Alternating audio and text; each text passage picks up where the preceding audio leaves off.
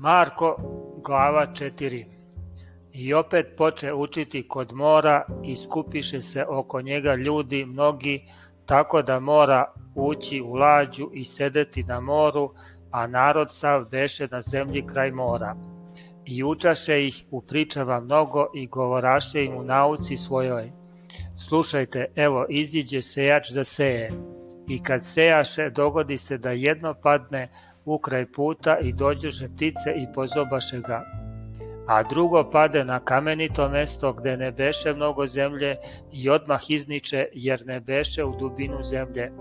A kad oba se sunce uvenu i budući da nemaše korena usahnu. I drugo pade u trnje i naraste trnje i udavi ga i ne donese rod i drugo pade na zemlju dobru i davaše rod koji je napredovao i rastao i donosio po 30 i po 60 i po 100. I reče, ko ima uši da čuje, neka čuje, a kad osta sam, zapitaše ga koji behu s njim i sa 12 dvanaestoricom za ovu priču. I reče im, Va, vama je dano da znate tajne carstva Božijeg a onima napolju sve u pričama biva da očima gledaju i da ne vide i ušima slušaju i da ne razumeju da se kako ne obrate i da im se ne oproste греси. I reče im, zar ne razumete ovu priču, a kako ćete sve priče razumeti?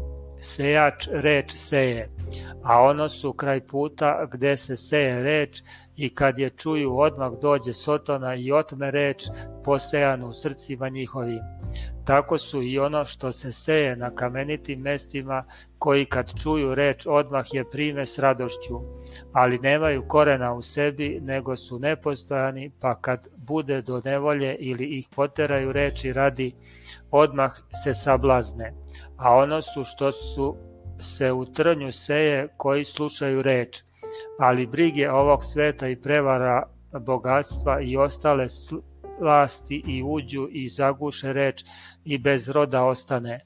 A ono su što se na dobroj zemlji seje, koji slušaju reč i primaju i donose rod po 30 i po 60 i po 100.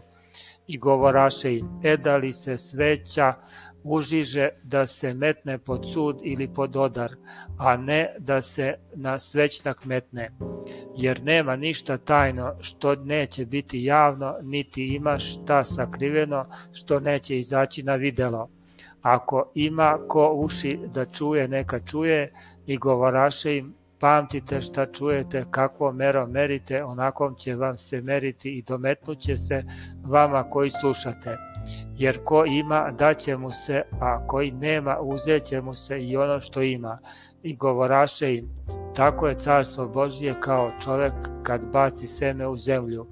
I slava i ustaje noću i danju i seme niče i raste da ne zna on jer zemlja sama od sebe najpre donese travu, potom klas, pa onda ispuni pšenicu u klasu, a kad sazre rod odmah pošalje srp, jer nasta žetva i govoraše, kako ćemo kazati da je carstvo Božije ili u kakvoj ćemo ga priči iskazati. Ono je kao zrno gorušičino, koje kad se poseje u zemlju manje je od svih semena na zemlji, a kad se poseje uzraste i bude veće od sveg povrća i pusti grane velike da mogu u njegovom hladu ptice nebeske živeti.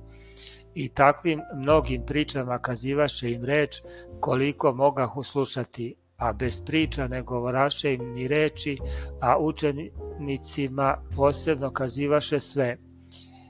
I reče im onaj dan uveče, hajdemo na one strane. I otpustivši narod uzeše ga kako beše u lađi, a i druge lađe behu s njim.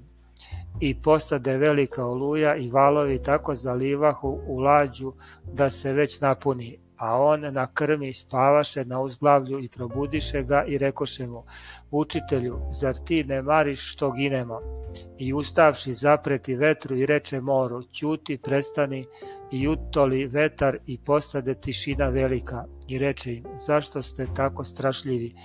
kako nemate vere i uplašiše se vrlo i govorahu jedan drugom ko je ovaj dakle da ga i vetar i more slušaju.